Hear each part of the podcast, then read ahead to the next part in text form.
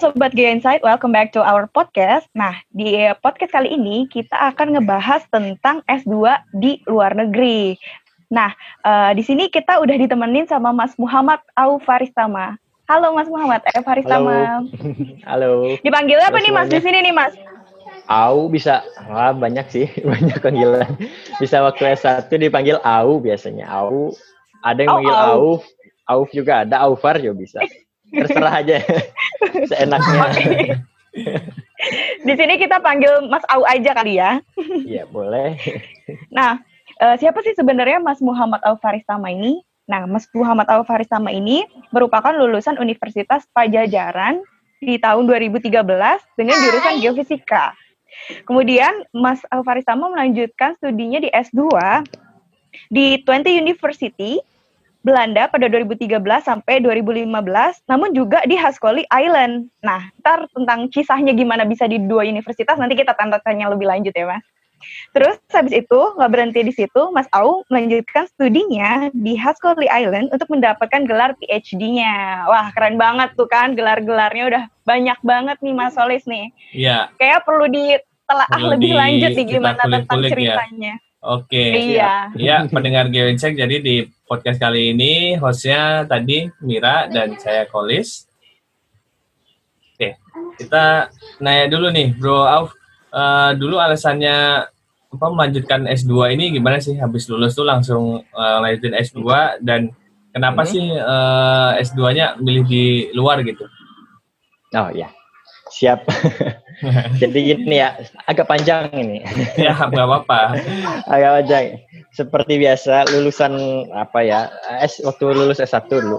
Sebenarnya saya ada minat ke akademik dan pengen di luar. Pengen di luar kalau akademik ya. Uh, apa? Kalau berkarir jadi researcher dan lain-lain pengen pengen menimba dulu pengalaman di luar dan pengen jadi akademisi. Tapi dulu juga masih saya masih waktu S1 itu masih pengen kerja juga. Ya tau lah dulu pengen kerja di mana kalau lulusan geoscientist dulu oil and gas kan. Masih pengen kayak gitu yeah, gitu yeah. juga saya dulu pengennya. Nah singkat cerita ya saya pengen uh, coba-coba uh, semua lah tebar CV dulu kan kayak gitu kan. Biasa um, mendekati lulus. Tapi sambil latihan TOEFL juga ngecek TOEFL dulu. Aduh jelek tuh waktu pertama tes biasa tes yang murah lah yang yang tiga puluh ribu gitu. Nah habis itu tes TOEFL coba-coba YouTube lihat gimana tes TOEFL dan saya pun coba nekat apply job job kan kayak ke BP dulu ke Pertamina tapi nggak ada panggilan ke, ke universitas. Saya juga coba ke apa namanya ke universitas-universitas luar kan. Sama tapi kan TOEFL belum ada dan lain-lain saya coba ningkatin lagi TOEFL. Nah, itu tuh saya lulus kan Januari nih. Januari sekitar Maret saya tak uh, apa ningkatin lagi lah skill kayak gitu. Maret coba-coba lagi ada skor TOEFL terbaru dan lain-lain. Saya coba apply ada beasiswa Erasmus Mundus. Hmm. uh, ada yang tahu kan yeah. Erasmus Mundus? Itu tuh biasa Erasmus Mundus tuh join degree gitu. Jadi universitas di Eropanya banyak makanya nanti cerita lebih lanjut. Makanya kemarin ada Twente ada Haskoli Island ada Southampton ada apa lagi? Satu satu program satu S2 itu ada lima universitas gitu. Ah coba ini menarik kayaknya dan jurusannya. Uh, dulu sih saya nggak nggak mengenalkan remote sensing. Karena saya lebih ke geological remote sensing sekarang. Kayaknya menarik sih dulu. Uh, uh, kebetulan di geofisika Unpad dulu nggak ada remote sensing gitu. Dan kayaknya ini menarik gitu. Ya udah saya coba apply ke situ. Apply lah ke situ, nunggu sekitar sebulan dua bulan decision ya. Decision, nah dapat decision di situ. Alhamdulillah keterima. Tapi, tapi ada tapinya waktu itu. Nggak ada beasiswa Erasmusnya sudah ditutup. Dan harus bayar sekitar dulu berapa puluh ribu euro ya sekitar kalau dirupiahin 300 jutaan lah untuk oh. pertama masuk. Aduh ya saya nggak bisa ya kalau sekali masuk sekali masuk langsung segitu tuition fee belum hidupkan dan lain-lain. Nah, saya coba lobby kan. Ada beasiswa lain nggak untuk ini selain Erasmus? Kata mereka bisa aja pakai beasiswa lain tapi Erasmusnya uh, belum bisa soalnya sudah ditutup kata kata mereka oh ya udah kalau bisa pakai beasiswa lain saya coba cari beasiswa lain sebentar ya anak saya ini naik. Ah, ah habis itu tuh lihat. habis itu saya coba cari di Google. Kata kunci yang saya paling ingat di Google tuh beasiswa terbaru 2013 saya masih ingat sampai sekarang saya cari beasiswa kayak gitu. Keluarlah dulu ada beberapa opsi. Ada dikti.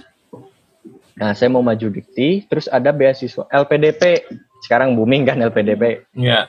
nah LPDP ini dulu waktu zaman saya baru baru banget. Baru banget dibuka kan. Itu tuh makanya saya waktu LPDP itu masih angkatan pertama banget. Hmm. kalau dibilang angkatan kelinci percobaan. Mungkin tapi ya, enak lah waktu itu kan uh, coba nih daftar ya LPDP ini dengan segala uh, uh, syaratnya hampir sama lah kayak sekarang semua dan lain-lain.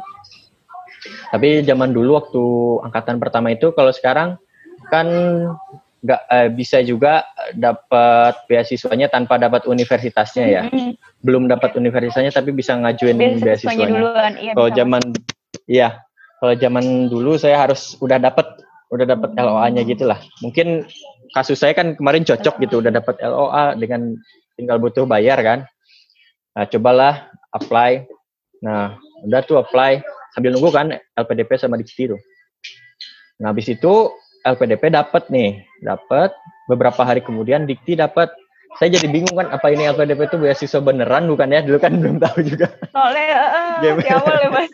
Iya. Game, game- Jangan-jangan gambling. dia turun. Jangan-jangan apa dulu kan. Ini gambling juga saya ini. Udah dapat tapi saya udah tanda tangan eh, kontrak LPDP dan lain-lain apa ini benar dan lain-lain. Dan dikti dikti itu enaknya sih katanya begitu selesai dapat penempatan kerja kan. Jadi emang sudah pasti jadi dosen. Nah, di situ saya bingung juga gambling. Tapi akhirnya saya memutuskan LPDP aja. Karena saya secara etis udah tanda tangan kontrak dan lain-lain juga kan. Dan secara tanggung jawab sudah ke LPDP yang akhirnya ya nggak menyesal. akhirnya LPDP mendanai untuk kedua universitas itu. Tahun pertama makanya di Twente. Nah, habis itu masuk eh, tahun keduanya itu bisa milih sebenarnya kan ada lima universitas seperti yang saya ceritain tadi bisa Southampton bisa Lund di Swedia satu lagi di Poland di Warsaw yang keempat di Iceland nah empat universitas itu pilih pilih antara empat itu pilih satu untuk risetnya nah Nah, kenapa saya milih Iceland? Sebenarnya enggak. Kenapa saya milih Iceland? Kenapa saya ke Iceland gitu? saya sebenarnya enggak nggak milih Iceland pertamanya kan. Oh, Uh, oke. saya pengennya dulu pertamanya dari Belanda. Dari Belanda itu pengennya ke UK, Southampton. Uh, ada yang tahu kenapa? Nonton bola ya di sana ya. Harusnya cowok-cowok tahu, cowok harus tahu ya. Harusnya nonton bola ya. Pengennya bola. Nonton Premier iya, League kan. harusnya pengen nonton bola. iya, Sambil sekolah ya. pengen lah, pengen kayak pengennya gitu pertamanya. Nah, tapi lagi-lagi saya saya review ulang diri sendiri kan review lihat eh, risetnya eh, diskusi sama orang. Ya diskusi sama orang banyaknya menyarankan UK sih. Dari segi UK itu dari segi pendidikan dia ya lah peringkat wah lah ya. Hmm. bagus kalau secara prestisius tapi lagi-lagi hati kecil sih. Pengen pengen tapi apa benar cuma mau nonton bola aja dari segi tesis kayak gitu kayaknya nggak seru saya lihat. Motivasinya ya. iya iya. Saya review lagi motivasi apa bener kayak gitu aja ya kayaknya enggak deh. Habis itu lihat dah kan eh, di departemen itu ngasih lah list-list tesis yang bakal dikerjakan ya. Di UK itu lebih ke apa namanya ocean remote sensing gitulah dan kayaknya nggak ada lapangan gitu kan nggak ke lapangan gitu. Lebih di ocean dan lebih di ya, teknikal gitu. Kayaknya nggak terlalu seru bagi saya gitu karena nggak langsung ke lapangan ya. nggak ke ah, ah, nggak ke lapangan Hmm. dan lain-lain. Poland pun sama kayak gitu Hmm. habis itu Sweden ya sama lebih teknikal pas lihat Iceland listnya banyak bisa ngambil dari geothermal ke vulkanologi dan ada fieldwork dan lain-lain dan saya googling Iceland, lain-lain lain, ngelihat alamnya dan segalanya lah geologi Iceland dan uh, et cetera et cetera-nya. Kayaknya ini aja deh. saya ambil kayaknya kayak ngambil Iceland aja deh. Saya memutuskan ngambil Iceland waktu itu kan. Ah udahlah Iceland. Saya konsultasi ke keluarga, ke teman. Pada resis tuh, pada nolak. Ngapain ke Iceland gitu? Ada nggak orang di sana gitu? googling, googling, iya nggak. Nggak banyak ya? Googling, googling nggak ada juga. Nggak banyak. Mahasiswa Indonesia pun waktu zaman saya ke sana sendiri saya. Memang sendiri. Oh, gitu. sendiri. 2014 itu. Ha -ha. Dan saya googling juga, ada juga mahasiswa Indonesia ke sana. Rata-rata sih uh, short course gitu enam bulan dari Pertamina hmm. kan. UNU kan dulu ada United Nation University Geothermal Training Program. Hmm. Tiap enam bulan. Itu biasanya dari Pertamina, uh, dari Kementerian ESDM sama satu lagi apa ya Geodipa. Geodipa ya. Dari Geodipa biasa. Hmm. Nah, nah, ya itu biasanya enam bulan ada, tapi semenjak 2010 kalau nggak salah vakum. Nah, saya ngelihat lulusan terakhir orang Indonesia di situ 2010 ambil geothermal. Oh, di situ agak vakum lagi. 2014 baru nggak nggak kayak universitas lain ya di Eropa rata-rata kan. Kalau di Eropa tuh tiap tiga bulan pun udah datang orang-orang baru Indonesia hmm. gitu. Kalau di Iceland tuh lebih vakum. Tapi alhamdulillah nanti cerita lebih lanjut. Alhamdulillah sekarang lumayan tadi itu alasannya kenapa akhirnya keluar negeri sampai uh, jadi angkatan pertama LPDP sampai udah terjawab ya Mir ya. Mm-hmm. Tadi mau nanya uh, kenapa iya. bisa yeah. dua univ ya Mir ya? Iya, kenapa bisa dua univ tadi? Itu kan emang katanya hmm. emang harus milih gitu Mas di antara lima itu apa emang dari program LPDP apa dari universitas ya Mas? Uh, jadi itu tuh dari universitasnya, dari program universitasnya emang gitu, hmm. lima universitas. LPDP sih nggak ada sangkut pautnya sama pemilihan program waktu itu. Mereka cuma pure uh, fundingnya kan. Hmm pure funding. Jadi uh, programnya Erasmus, tapi pembiayaan LPDP.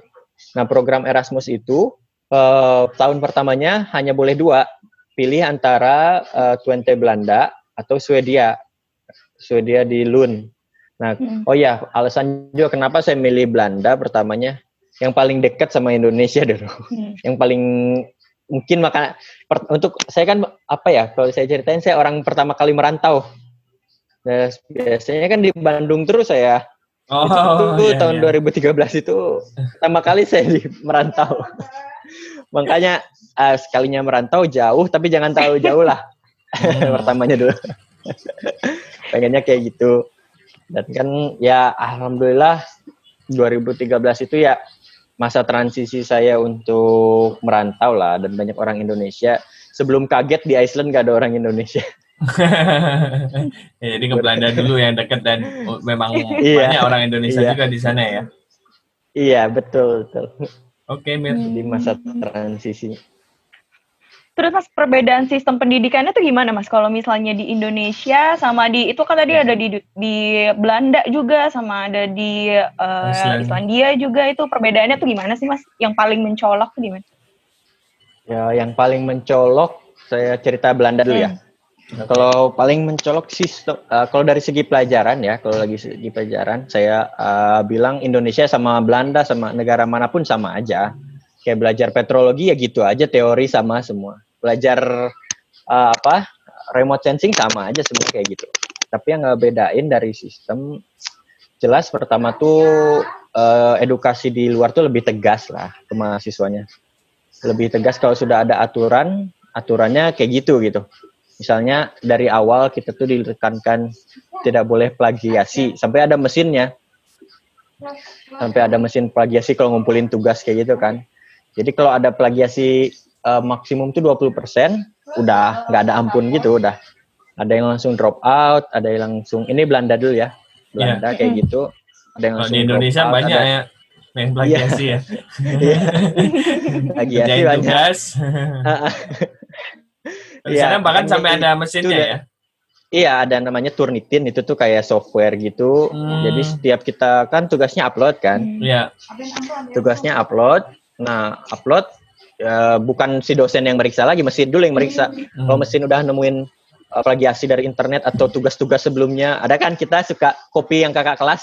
Iya, iya Banyak benar juga kan? Iya. nah itu ketahuan juga tuh. ketahuan juga karena kakak kelas tuh upload juga ke situ kan. Oke. Iya. Kakak-kakak kelas. Nah, nah itu udah nggak ada ampun tuh.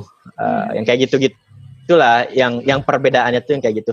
Dan secara mungkin secara fasilitas mungkin ya. Kalau kalau saya berbicara fasilitas, mungkin kalau di Indonesia universitas-universitas tertentu ya punya fasilitas banyak kan. Kalau dulu saya pun kalau waktu di Unpad nggak begitu dapat fasilitas juga. Mungkin salah satunya kalau di Eropa fasilitasnya hampir merata, hampir seluruh kampus gitu. Nggak mengenal swasta negerinya, mungkin fasilitas untuk geosain lebih merata. Terus dari segi eh, apa namanya profesionalitas dosen, mungkin profesionalitas dosen juga di Indonesia pun udah sudah mulai sekarang sih kayaknya eh, antara mahasiswa dan dosen. Saya lihat eh, sudah mulai profesional, ah, bukan profesional kaku, ngerti nggak? Hmm, ya. Profesional tapi di luar kita berteman. Gitu. lah ya. Hmm. Tapi kayaknya di ya ya mungkin di Eropa kayak gitu. Jadi nggak ada batas antara dosen mahasiswa. Di kelas pun sebenarnya nggak ada batas. Tapi tetap profesional. Oh, oke. Sebenarnya perbedaannya itu sih, tapi itu itu pun sangat mendasar gitu. Hmm, Kalau sama di Islandia tadi, di Iceland? Nah, kalau uh, kalau di Islandia agak beda lagi. Ah, satu lagi di Belanda itu lebih time strict orangnya. Oh, Oke. Lebih benar-benar tepat waktu lah. Hmm. Nah, sekarang Islandia, Islandia beda lagi. Orangnya lebih nggak tepat waktu lagi, tapi gimana ya, di atas. Sama Indonesia Nggak lebih nggak tepat waktu Nah, kalau Indonesia lebih nggak tepat waktu lagi jauh kan. kalau kalau di Islandia itu bukan nggak tepat waktu ya, lebih santai orangnya. Oh, Oke. Nah, kalau di Iceland itu mereka orangnya santai tapi serius gitu. Makanya saya Hmm. sebenarnya sebenarnya saya lebih cocok sama budaya Iceland ya. Ya. Tapi bukan budaya Indonesia juga. Kalau di Iceland itu santai tapi serius tuh misalnya janjian dari jam 8. Tapi mereka pikir jam 8 kebagian misalnya. Dan untuk apa juga diskusi ini kelamaan. misalnya. Udah dah, eh, nanti jam 10 aja misalnya. Mereka Hmm. santai aja, oh nggak apa-apa, ya nggak nggak terburu-buru waktu dan gitu gitu. Lebih santai aja gitu. Hmm. Dan apa pun yang terjadi, mereka tuh lebih, misalnya ada kasus orang jatuh, ada kejadian apa, kejadian luar biasa, mereka tuh, oh kayak gitu, ya udahlah, santai. Nanti juga bakal uh, biasa lagi gitu. Hmm. Istilahnya bakal kembali normal gitu. Misalnya ada paper ditolak, santai aja gitu. Oh, Oke. Eh, ini lagi aja.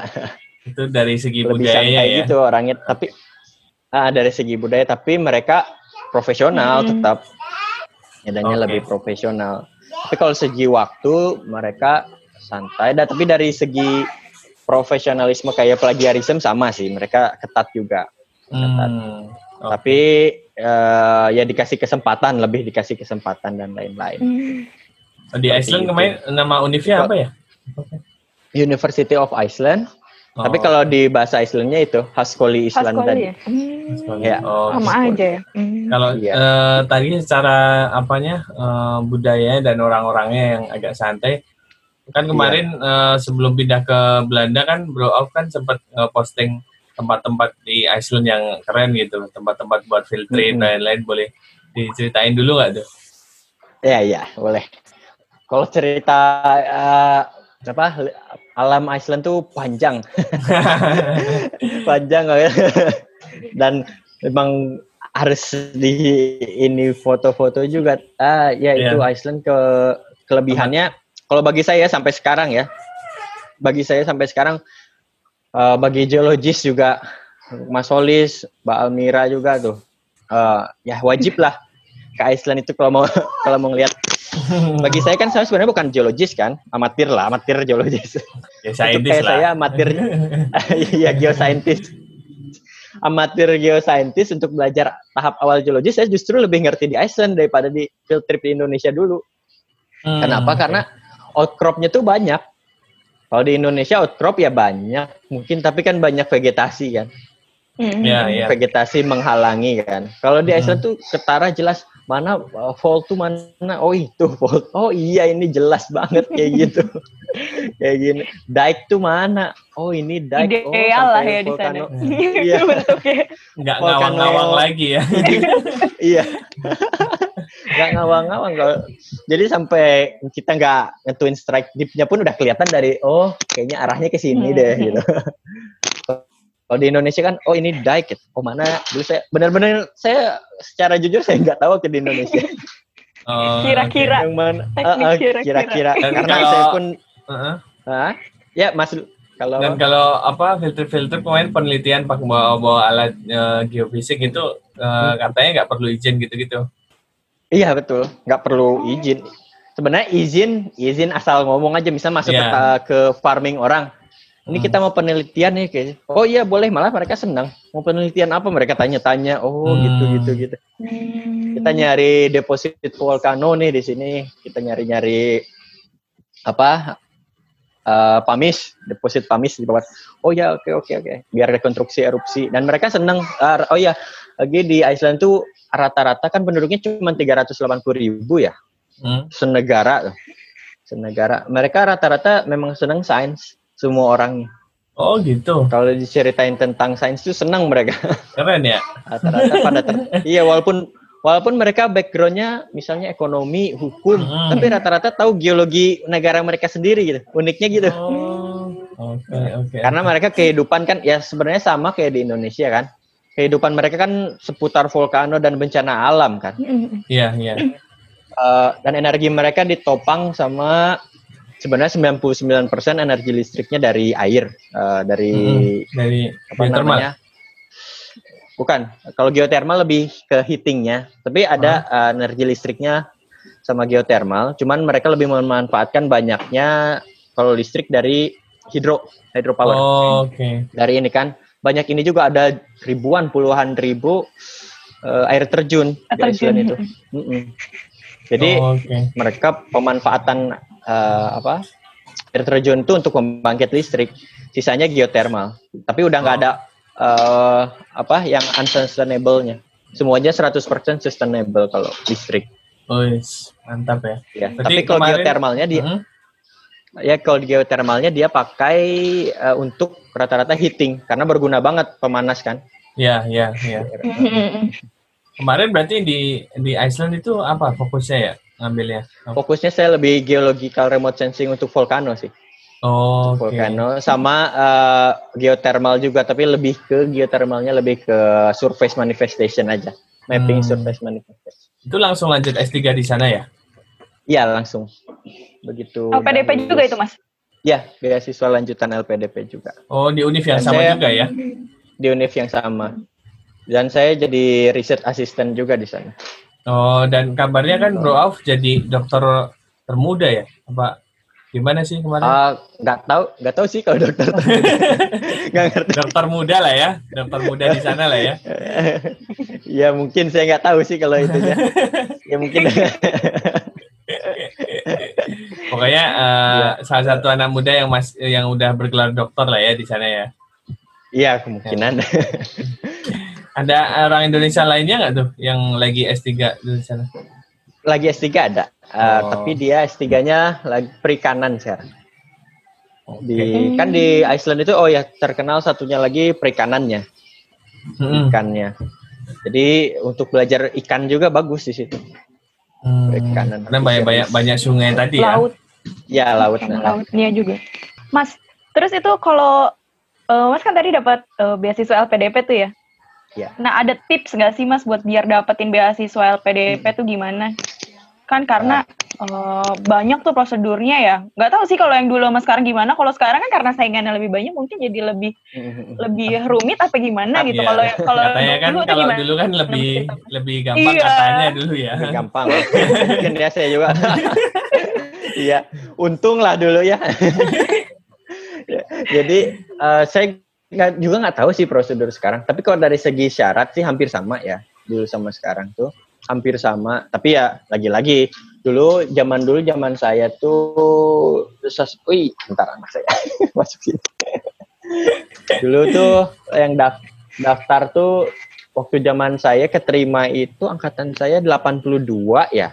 Dari 6 ribuan gitu yang daftar hmm. kalau nggak salah ya. Kalau sekarang mungkin udah puluhan ribu dan ratusan ribu ya. Hmm. mungkin ya dulu 80 banding 6 ribu kan zaman dulu itu hmm. dan angkatan awal saya itu 120 jadi 80 jadi 40 di di kick juga mungkin ya tahu nah kalau de, zaman sekarang saya nggak bisa ngomong banyak karena nggak ikutan juga kan. ya mungkin ya pasti lebih ketat sih, pasti lebih ketat dan syarat-syarat kan. Dan LPDP lebih ketat juga kayak uh, zaman uh, zaman sekarang ini ada yang syarat wajib ke Indonesia-nya tuh wajib 2N plus 1 kan. Jadi hmm. misalnya kita kuliah 4 tahun, 2N hmm. plus 1, 4 kali 2, 8. Jadi 9 tahun wajib mengabdi dan pulang ke Indonesia kan. Kalau zaman hmm. saya di kontraknya wajib pulang ke Indonesia pulang dan mengabdi ke Indonesia aja nggak ada ketentuan waktu sih oh oke okay. lebih wajib wajib pulang ada ikatan banget lah ya lebih kayak gitu karena mungkin banyak banyak yang kabur kan banyak yang kabur. Kayak betah di luar. Ya kalau segi betah pasti betah. Di luar cuman emang harus pulang. Okay. dan itu mungkin LPDP memperketat itu kan. Memperketat itu juga. Nah tapi syarat utama syarat dan tips utama sebenarnya nggak berubah. TOEFL ya pasti nggak berubah kan. Tetap ada mm -hmm. tetap yeah. ada. TOEFL kalau tips dari saya sih kalau dari sekarang pengen keluar TOEFL aja sih sebenarnya banyakin TOEFL dan lain uh, apa tingkatin TOEFL sampai ke skor minimum yang disyaratkan. Dan kalau bisa uh, uh, pertama ya ini bukan bukan syarat mutlak di ada di ada di tulisan. Kalau bagi saya hmm. syarat mutlak itu apa ya tentukan niat. Niat ya, nah ya, ya. niat jadi niat jadi lo kalau misalnya niat keluarnya mau apa sih? Misalnya kalau saya dulu kayak gitu juga nanya Ya, mau nonton mau bola apa? aja. Passionnya pengen nonton bola. Iya. apa mau nonton bola aja? Kalau sesuai itu sih nggak akan nggak akan nggak akan apa ya nggak akan klop nanti sama niat awal niat benar kita. Nah pertama keluar tuh mau apa juga? Apakah mau ngelihat orang keren gitu kan? Enggak juga kan, misalnya kalau itu kan salah niat juga. Apakah memang murni di, dari diri sendiri mau kayak gitu? Kalau saya awal dulu pengen merantau memang, karena saya belum pernah keluar dari Bandung. Oh, oke. Okay. ya kan, dan pengen keluar, pengen keluar negeri memang, pengen merantau keluar negeri dan mungkin karena saya orangnya itu memang harus ditempa dulu, tipe hmm. saya dan harus pin, pandailah membaca diri gitu. Kalau okay. saya membaca dirinya, saya orangnya harus nekat harus nekat yeah. harus ditaruh dulu di tempat itu gitu yeah. baru yeah, yeah. oke okay. Kalau itu nah, tadi gitu.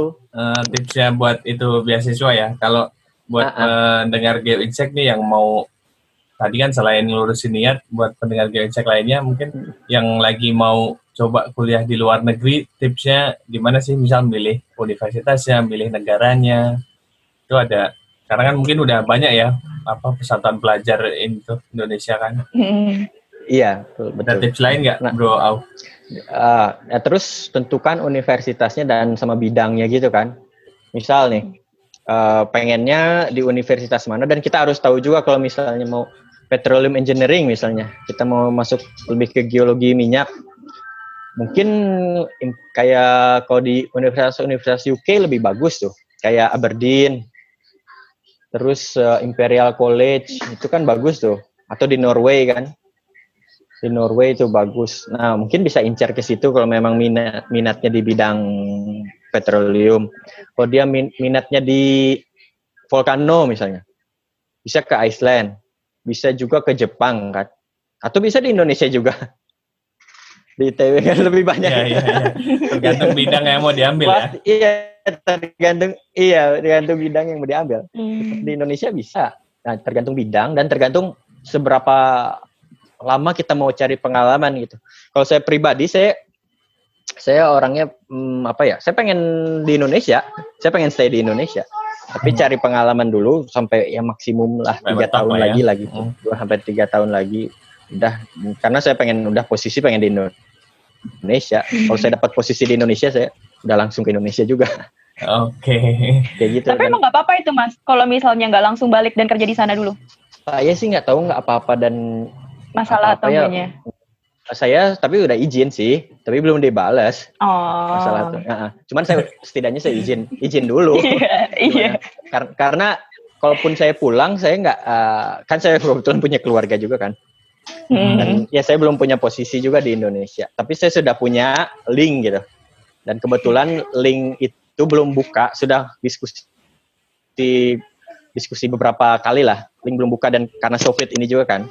Ya. Itu tuh masih tutup, masih tutup dan memang saya rencana pulang April ini sudah lulus itu sebelumnya. tuh. Oh, oke. Tapi Oh. emang karena uh, semua plan abrupt kan karena itu dan kebetulan saya dapat offer dan saya diskusikan juga sama mereka gimana nih saya kontrak ini sebenarnya dua tahun jadi riset post postdoctoral riset ini kan dua tahun gini cocok nggak dengan skema itu Ah, cocok ya sudah Uh, mereka kirim uh, mereka pun bikin surat untuk minta izin ke LPDP saya terima suratnya saya kasih ke LPDP dan ya seperti itu setidaknya saya izin juga Oh, Oke.